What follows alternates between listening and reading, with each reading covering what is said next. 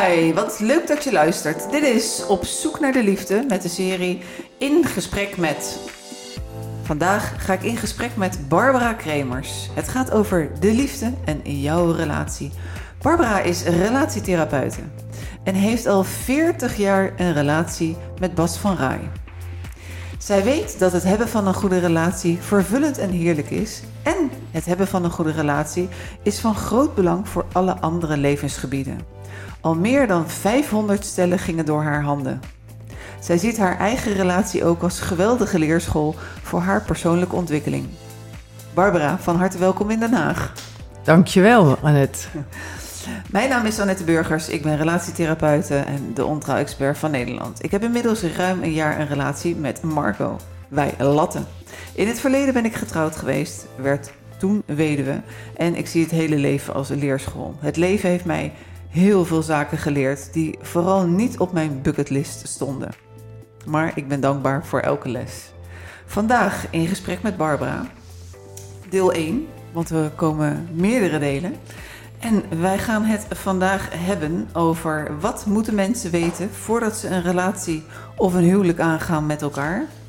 En hoe voer je de beste gesprekken om in de liefdesstrijd te blijven en te voorkomen dat je niet in de oor eh, te voorkomen dat je in de oorlogsstrijd terechtkomt.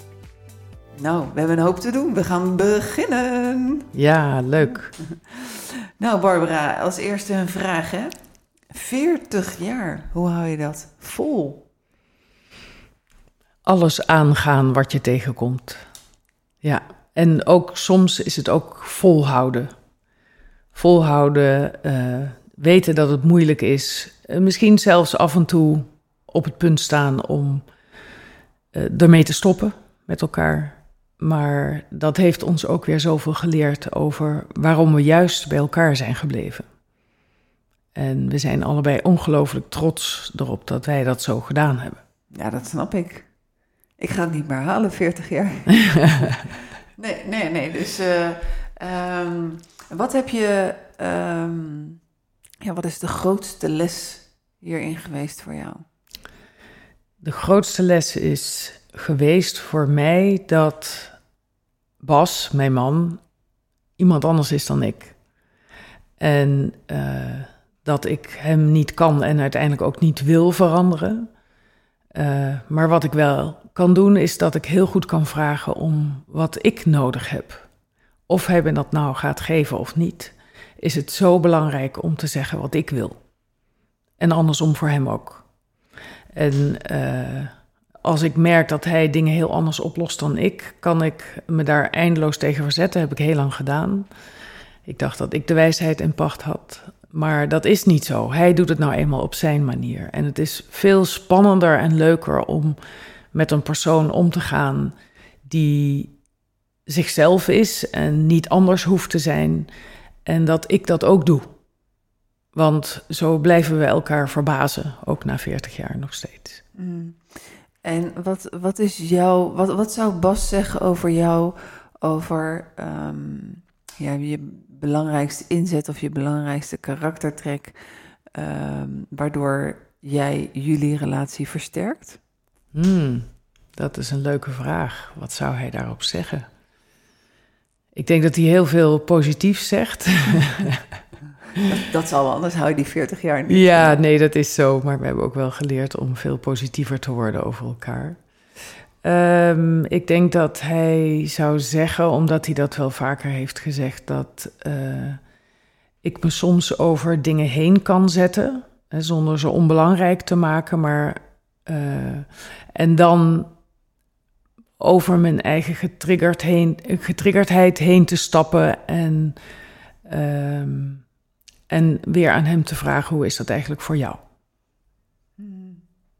Um, Och, daar is zoveel over te zeggen. um, want ik denk dat het heel belangrijk is te weten dat uh, we vanuit stress zulke lelijke dingen tegen elkaar kunnen zeggen. En ook kunnen denken dat onze partner het slechtste met ons voor heeft op die momenten. Maar um, ik denk juist het besef dat de ander ook maar in stress zit op zo'n moment en daardoor onhandige dingen kan zeggen. Ehm, maakt dat ik nieuwsgierig kan worden. Waar komt jouw stress eigenlijk vandaan? Precies, ik noem het altijd handelingsonbekwaam. Als iemand in een bepaalde situatie anders zou hebben gekund, dan zou die niet flippen, dan zou die niet uh, losgaan of dan zou, er, dan zou er heel veel niet gebeuren. En dan zou iemand bijvoorbeeld niet negeren. Hè? Als iemand uh, gaat negeren, dan zeg ik, ja, nou, dat, dat, is dan wel behoorlijk handelingsonbekwaam. Je kan op dit moment ben je niet in staat om je emoties te reguleren. klopt. En dan ga je dat gedrag vertonen. En het is voor mij heel helpend en ik merk ook dat in mijn praktijk dat dat helpend kan zijn van mensen inderdaad. Hè, van, eh, iemand is onder behoorlijk wat stress, iemand is handelingsverlegen, sommige situaties. En in andere situaties handelingsonbekwaam en loopt dan de deur uit en uh, doet, zijn ding. Uh, en, welke mooie inzet of karaktertrek heeft Bas? Bas heeft een tomeloze energie. Um, hij zal steeds weer uh, proberen om het beste uit de relatie te halen. En steeds weer, soms wel heel nadrukkelijk, maar wel met veel overtuigingskracht vragen om wat hij nodig heeft. En wat ik daar ontzettend fijn aan vind, is dat ik daardoor uh, eigenlijk mijn eigen buiten mijn comfortzone zal moeten stappen om dingen te leren waar ik nog niet zo goed in ben. Dus dat is echt wat, uh, wat hij meebrengt in de relatie. Um, en enorm veel enthousiasme en ongelooflijk veel humor. Ik denk dat zijn humor ook heel veel heeft betekend voor onze relatie. Ik heb me helemaal suf gelachen om die man. En ook op momenten dat het lastig was, uh, kon hij het ook wat lichter maken. Mm -hmm. en, en humor, uh, is niet een masker soms? Ja, och man, we hebben daar, we hebben daar ook veel gesprekken over gehad. Hè? Dat noem, hoe wij dat dan doen, dat, dat is de dialoog. Dat is een bepaalde manier om belangrijke dingen met elkaar te bespreken. En uh, ik waardeer hem heel erg voor zijn humor. En ik merk ook dat hij grappen kan maken op een moment dat dat voor mij even niet goed past. Nou zeg ik denk ik heel netjes. En nou zeg ik het heel netjes, want uh, ja, dat zijn momenten waarop ik me dan niet serieus genomen voelde of niet gehoord en niet gerespecteerd. En, um, uh, maar wat ik daar ook weer dan in te leren heb, is dat ik uh, daar iets over zeg. Ik merk dat je een grap maakt, maar bij mij brengt dat eigenlijk nu alleen maar teweeg dat ik me niet serieus genomen voel. Dus zou je even echt naar me willen luisteren? En, en daar is die heel goed in hoor, om dat, om dat uiteindelijk te gaan doen. Ja, heel herkenbaar. Ik denk dat veel luisteraars dit heel, heel erg zullen herkennen. Uh, en voor hem is het natuurlijk ook wel lastig om een relatie te hebben met een relatietherapeut. Maar andersom heb ik dat ook. Want? Want hij is niet alleen al jarenlang trainer binnen de psychiatrie, maar hij is nu ook mijn praktijk ingestapt en we doen het nu eigenlijk samen. Dus uh, hij, werkt, hij, hij uh, uh, doet minder trainingswerk en is steeds meer relatietherapeut aan het worden. dat is hij al heel lang trouwens, hij is psycholoog. En wat we doen is dat we samen onze relatieweekenden geven. Dus dat doen we met meerdere stellen. Dat is ongelooflijk leuk. En het mooie is dat we het met z'n tweeën kunnen doen, is dat we zo ontzettend verschillend zijn. Dus ik ben de wat serieuzere en, uh, en de rustige. En Basti is de springerige. En die maakt af en toe een grap, waardoor allerlei mensen die eigenlijk dachten van wil ik hier wel zijn, dat die wat kunnen ontspannen. Dus dat is echt ontzettend leuk om dat samen te doen. En we kunnen ook in die relatieweekenden over onze eigen relatie vertellen. En niet om, om ons verhaal kwijt te kunnen, maar meer om uh, het herkenbaar te maken voor mensen, hoe het voor hun is. Ja, nou, ik ben benieuwd. Marco en ik, die. Uh... Jullie komen. Ja, wij komen. Ja, ja, ja, ontzettend leuk. Dus voor, uh, het is een beetje spannend nog van Marco. Ik zeg, nou, het komt vast goed. Ja, en, uh... ja het is vooral gewoon een ontzettend leuk weekend. Het is geen groepstherapie, hè, dus mensen hoeven niet iets in de groep te zeggen over zichzelf. Maar de ervaring leert dat mensen dat toch wel doen, omdat we er een hele veilige setting van, veilige setting van maken. En, uh, en, en alles blijft daar. Ehm, maar het is, het is gewoon ontzettend leuk omdat je met een groep mensen die je eigenlijk helemaal niet kent, uh, allemaal bezig bent met je relatie en merkt: wacht even, we zijn niet de enige die worstelen. En dan komen mensen van allerlei leeftijden, van allerlei, met allerlei problemen. De een zegt, dit is ons laatste redmiddel. En de ander die zegt, uh, nou, we konden een weekendje naar Barcelona gaan... maar we dachten, laten we iets aan de relatie doen. Hè? Dus alles wat daartussenin zit, zit daar. En eh, wat mensen ook steeds weer zeggen, we leren zoveel van het kijken naar de ander en wat die doen. Maar het belangrijkste van dat weekend is dat mensen op een hele andere manier met elkaar in gesprek gaan... En, uh, elkaar in zo'n weekend zoveel beter leren kennen. Ook al komen er mensen die al 35 jaar bij elkaar zijn. Uh, dan zeggen ze weer aan het eind: Jeetje, dat had ik niet gedacht. Gedaan? Had ik het maar eerder ja, ja. gedaan. Uh, ik heb nieuwe dingen geleerd over mijn partner. En dan gaan ze met een enorme zak vol gereedschappen en inzichten over hun eigen relatie gaan ze naar huis. Dus ja, wij vinden het ontzettend leuk om dat samen te geven. Juist omdat we weten dat er zoveel gebeurt bij die mensen.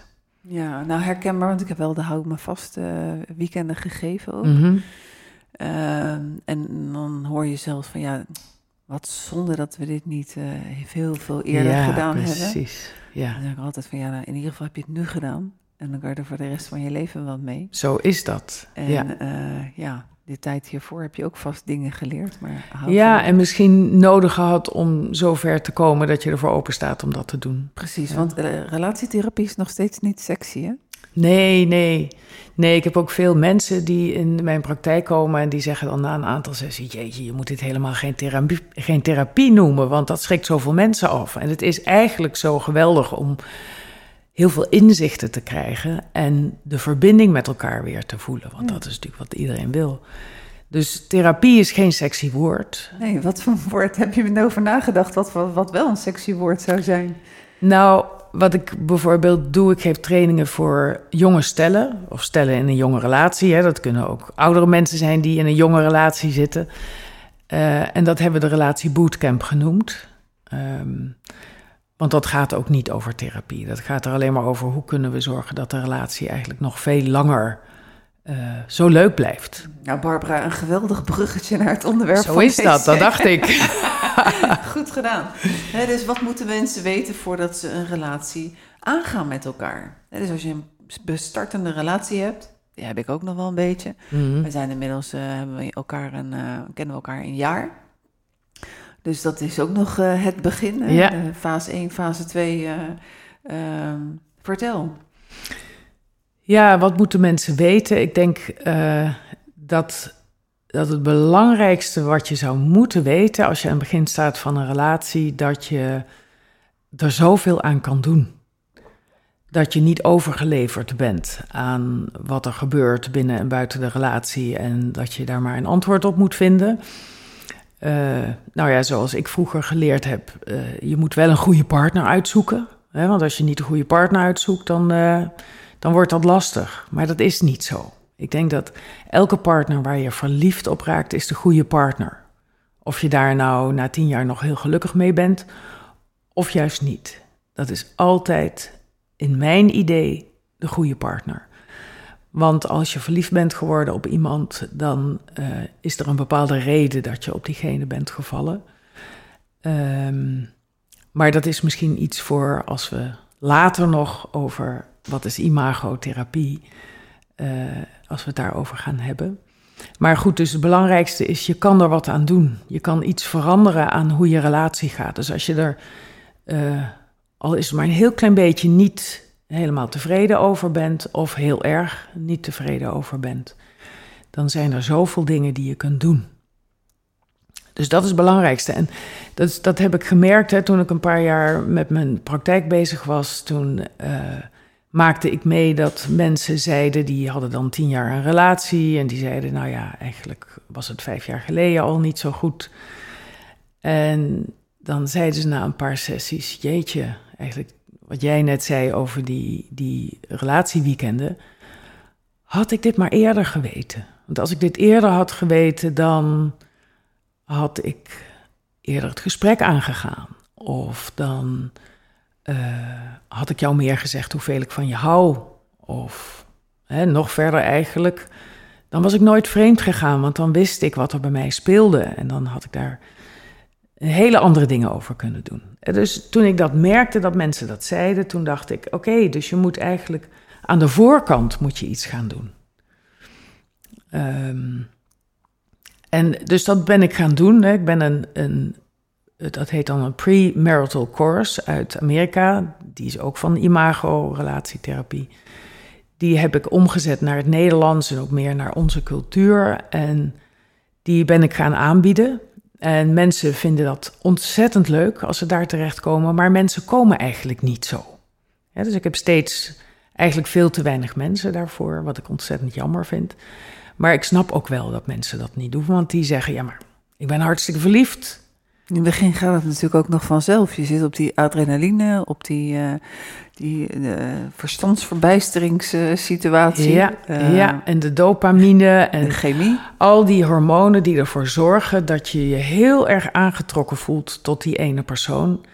En je ziet dan ook alleen maar de positieve kanten. En je wil elkaar heel graag aanraken, want er komen dan nog extra hormonen vrij. En dus en je geeft elkaar ook alles wat je nodig hebt. Hè. Dat is allemaal in een soort verhoogde vorm is dat er als je verliefd bent. En dan denk je, ja, we hebben het zo fantastisch. Dat blijft voor de rest van ons leven zo.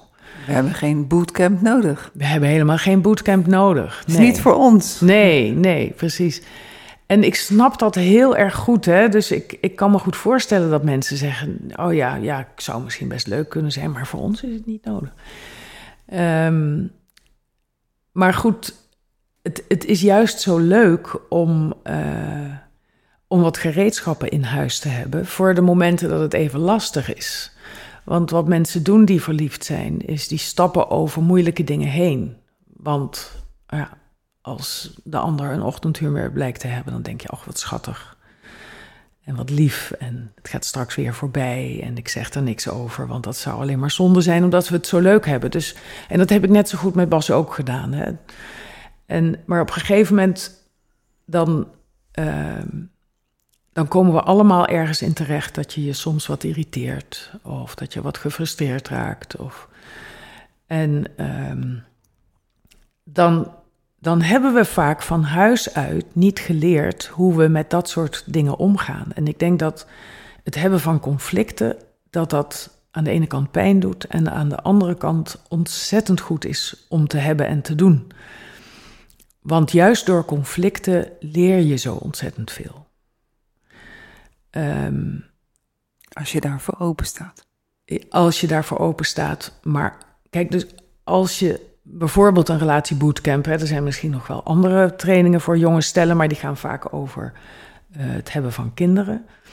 Maar als je daarin leert, wacht even, het is heel normaal om conflicten te hebben. Daarbij door conflicten groeien samen naar een meer volwassen relatie. Dan kun je conflicten aanpakken, vooral als even de eerste spanning gezakt is. En kun je denken, oké, dus hier moeten we wat mee. En misschien halen we hier ook wat uit. Hè? Ja, het is eigenlijk een, een knop die je om moet zetten. Dat je niet wegloopt van het conflict, maar dat je inderdaad weet: oké, hier kunnen we samen. En vooral ook zelf. Het kan innerlijke groei, relationele groei. Je kan er heel veel van leren. Ja, je moet eigenlijk bij elk conflict of elke irritatie moet je een klein rood vlaggetje neerzetten en zeggen: hier moeten we het nog over hebben. Niet nu, want in het moment zelf van het conflict dan reageer je meer uit een oud deel van je brein en um, uh, ben je niet zo genuanceerd. Wat, wat zeg je? Kindpijn. Kindpijn, ja. Um, maar als je dan even wacht en het daarna erover hebt, dan uh, kom je eigenlijk weer wat stapjes verder. en uh, wat ik ook doe met mensen, is dat ik, eh, dat zowel in de relatie bootcamp als mensen die bij ons in de praktijk of in het relatieweekend komen, daar leren we een andere manier van praten aan. Niet gewoon kun je met zout even aangeven dat je dat op een andere manier moet doen. Maar Ja, soms helpt de toon ook wel. ja, dat, Ja, je ja, kan je op vele manieren vragen. Kun je me de zout aangeven? Ja, klopt, klopt inderdaad. En, eh, maar we geven ze een gereedschap mee om ook thuis met elkaar te kunnen praten over dingen die belangrijk zijn en waar misschien wat lading op ligt. En op die, om die op zo'n manier met elkaar te bespreken dat je elkaar helemaal hoort.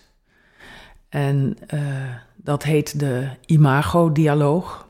En eh, dat woord imago leg ik in een andere podcast nog een keer verder uit. Ehm, het heeft in ieder geval te maken met een beeld wat je van het verleden meeneemt. Eh, en in die dialoog, daar is eigenlijk maar één van de twee aan het woord. De ander is aan het luisteren. En dat maakt dat als je je heel erg aan die rollen houdt, dat degene die aan het woord is, die de zender is, dat die eh, helemaal kan uitspreken. Dat die niet wordt on- onderbroken door de ander. Want vaak gaan we als we in gesprek zijn met een ander al anticiperen op wat de ander gaat zeggen. En dan buigen we onze woorden weer wat af hè, om de ander voor te zijn. Of, Precies, het is vaak natuurlijk luisteren. Wanneer komt die stilte? En dan ga ik mijn eigen monoloog weer precies. neerzetten. Ja, ja, precies. En als ik weet dat jij helemaal naar mij luistert, ik noem dat in mijn praktijk, dat jij op mijn eiland komt staan en van jouw eigen eiland afstapt en daarmee Bruggetje over. bruggetje over en daarmee eigenlijk alles wat van jou is achter je laat, dus jouw ideeën, jouw gevoelens, jouw invullingen, ook jouw ideeën over mij, dan kun je heel eh, oordeelloos naar mij luisteren. En als je dat doet en mij dus niet in de reden valt, dan kan ik veel verder uitpraten. En dan kan ik inderdaad eens even een minuut stil zijn en nadenken en voelen. En nog wat dieper dat gevoel ingaan. En die ander die blijft luisteren. En dan, dan laat ik mensen heel dicht bij elkaar zitten. En dan kijken ze elkaar in de ogen.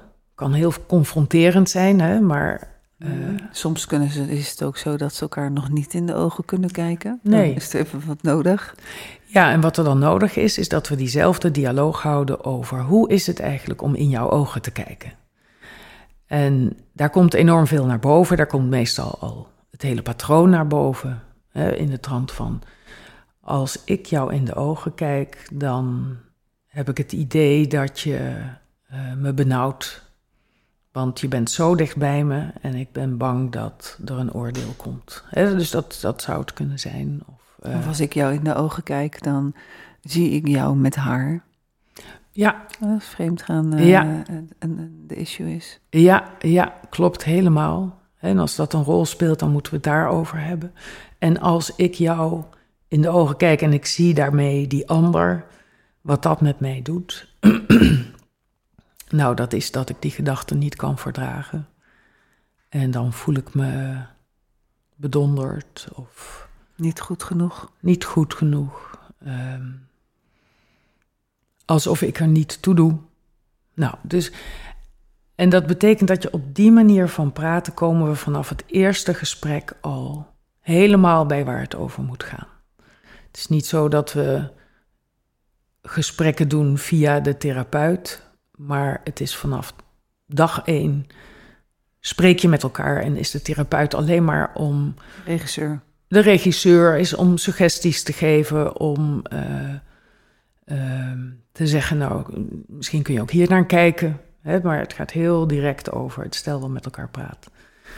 En dat kun je aanleren als je jong in een relatie bent. Hè, als je zegt, nou, we hebben het zo leuk, ik wil dat ook zo houden.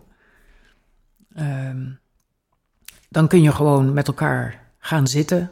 Je kan het boek lezen wat ik hier op tafel zie liggen, Krijg de liefde die je wilt, van Harvel Hendricks. En eh, daarin staat helemaal hoe je dat moet doen. Dus dat is een enorme aanrader voor mensen die jong in een relatie zitten, maar ook die oud in een relatie zitten en die zeggen: we kunnen elkaar niet meer zo goed vinden, of we hebben een conflict. Of, hè, dat, dat geeft ongelooflijk veel inzicht, die Ja. manier. En ehm, de, de tweede vraag voor vandaag was: hoe voer je ze de gesprekken om in die liefdesstrijd te blijven en niet te verzanden in die oorlogsstrijd? En eigenlijk is het dat de structuur van ehm, de manier van gesprek voeren dusdanig is uh, dat als je dat goed uitvoert, dan kom je ook niet in die oorlogsstrijd terecht. Klopt helemaal. aanhoudt. Ja. En er zijn mensen die zeggen, nou, ik wil helemaal niet in een structuur, dat hoort niet, dat past niet bij mij. Ik wil eh, zijn wie ik ben en ik wil het uh, heel spontaan kunnen doen. Uh, dat snap ik, ik denk ook dat dat heel erg nodig is. Maar als er conflicten zijn, kan juist die structuur, wat jij zegt, ook helpen om uit de boosheid te blijven. En uit de verwijten. Op zich is boosheid, denk ik, heel goed om, uh, om te, te voelen en te hebben en te erkennen dat je die hebt. Maar de manier waarop je het uit is anders. Het is anders dan dat ik boos word op jou en allemaal hele nare dingen tegen je zeg en je dingen naar het hoofd gooi en verwijten maak. Of dat ik zeg, toen jij gisteren dat tegen mij zei, voelde ik me van binnen zo boos worden. En weet je waar ik zo boos om werd? Ik werd boos omdat ik eigenlijk al zo vaak had gezegd wat ik hiermee bedoelde en het lijkt alsof je mij maar niet hoort. En het is voor mij belangrijk dat jij me hoort, want ik, en daar gaat het ook vaak over, dat is ook een beetje de basis waarop ik werk, dat je zegt, ik ben in het verleden ook vaker niet gehoord. En het drukt bij mij op een gevoelige plek als ik het idee heb dat jij mij niet kan horen. En dat is wat je dan kan zeggen, maar dat zeg je alleen maar ook omdat de ander jou steeds herhaalt. Dat is ook iets wat in het begin die manier van praten heel ongemakkelijk maakt. In het eerste gesprek bij mij in de praktijk zijn er ook veel mensen die moeten giechelen. En zeggen, oh, ja, raar. Maar het helpt heel erg, want het betekent dat uh, als jij mij herhaalt, als je herhaalt wat ik gezegd heb, dan wordt het gesprek dus heel langzaam. En vertraagt. Het vertraagt. Daardoor um, kan ik weer wat verder nadenken en voelen wat er is. En de ander die kan kijken, heb ik jou wel goed gehoord zo? He, dus die ander die zegt dan, oh, dus wat jij zegt, dat is puntje, puntje. En jij vindt dat zo of jij voelt dat zo, want klopt dat? Dan kan die ander even checken of dat klopt. En wat we dan ook doen, is dat degene die dus aan het luisteren is, de ontvanger, dat die ook nog vraagt: is er meer? Of kun je hier meer over vertellen? Hè, wat het beste past bij hen. Het is heel mooi, eigenlijk pel je af.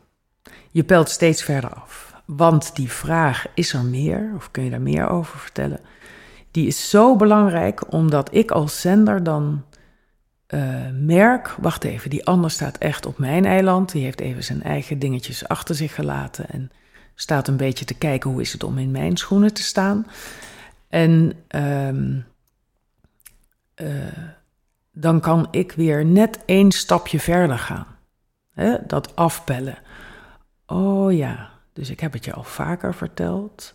Ja, wat, wat zit daar nog meer onder? Nou ja, het lijkt wel alsof je het niet belangrijk vindt wat ik te zeggen heb. En dan kom je daar steeds verder in. En dat werkt echt geweldig. Ik zie dat bij al die stellen in mijn praktijk, maar ik zie het ook in mijn eigen relatie. Uh, vanaf het moment dat wij voor het eerst zo'n relatieweekend hebben gevolgd, uh, zijn wij heel erg zo met elkaar in gesprek gegaan. En, uh, en hebben wij eigenlijk onze relatie een, een soort richtingswijziging gegeven naar heel erg verbonden, heel gelijkwaardig, uh, heel erg op het gevoel gericht. Um, en met respect voor elkaars wereld en verleden. En dat als een, weet je, als je de ervaring krijgt dat een ander dat met jou wil doen en op jouw eiland wil komen staan en ook dat de ander zich helemaal wil openen op die manier voor jou, dat geeft zo'n enorme verbinding. En verbinding en het gevoel ook van erkenning. En nu, nu luister je naar mij. Ja. In plaats van dat koppels uh, op de bank zitten en eigenlijk in de fase van de stille scheiding terechtkomen en niet meer met elkaar willen delen, omdat er dan toch weer gedoe van komt. Want Ja. hij reageert altijd op dezelfde manier of zij Nou ja, Ja. enzovoort, enzovoort. Ja, dat is dan inderdaad wat ze zeggen en denken. Altijd als ik er verder op inga, dan word jij toch boos. Ja. Dus laat ik het maar niet meer zeggen. En je komt daar nooit op terug. En je komt er nooit op terug. Ja, dat is ook een hele goede. Herkenbaar, ja. Ja, ja, enorm. Ja, dus ehm, er wordt van, het is een, een strak schema of het is een strak gesprekstechniek. ja, Maar het voorkomt echt dat, eh, dat je verzandt in, eh, in het pingpongen of het kanonkeren. ja. Hè, of eh, volgens de EFT, zoek de boef. Oh ja, dus die, eh, ja. dat voorkomt het echt. Ja, het, de, de structuur geeft juist enorm veel vrijheid, uiteindelijk. Maar goed, als je dat een- één of twee keer doet, dan merk je dat eigenlijk meteen. Precies, hè? ik heb het eh, ervaren in een bepaalde relatie. Zijn we naar een imagotherapeut gegaan. En eh, ik vond het in het begin... Ik was inderdaad ook een beetje giechelig, want eh, het voelde ook wel als een soort van overhoring. Heb ik nou goed genoeg geluisterd? Mhm. En dan was het, nee, je hebt dit gemist of je hebt dat gemist. En ik ja, voelde echt alsof ik bij de lessen ja. gehouden werd. Ja, terwijl het daar natuurlijk helemaal niet om gaat. Niet, nee, Nee. zeker niet. Ehm, maar ik heb er zoveel profijt van gehad. Ehm, niet met eh, de toenmalige partner in ieder geval, maar, maar wel ook in mijn eigen praktijk. Ja, En ehm, het, het geeft ja, zo'n gevoel van rust. En als mensen uiteindelijk in staat zijn, als koppels in, het in staat zijn om het thuis ook op die manier te doen, dan hebben, dan hebben ze een wereld gewonnen. een wereld gewonnen. Ik ben het helemaal met je eens. Ja. Ja, Nou, ik denk dat we het onderwerp voor vandaag, eh, voor het beginnende stukje gehad hebben. ja.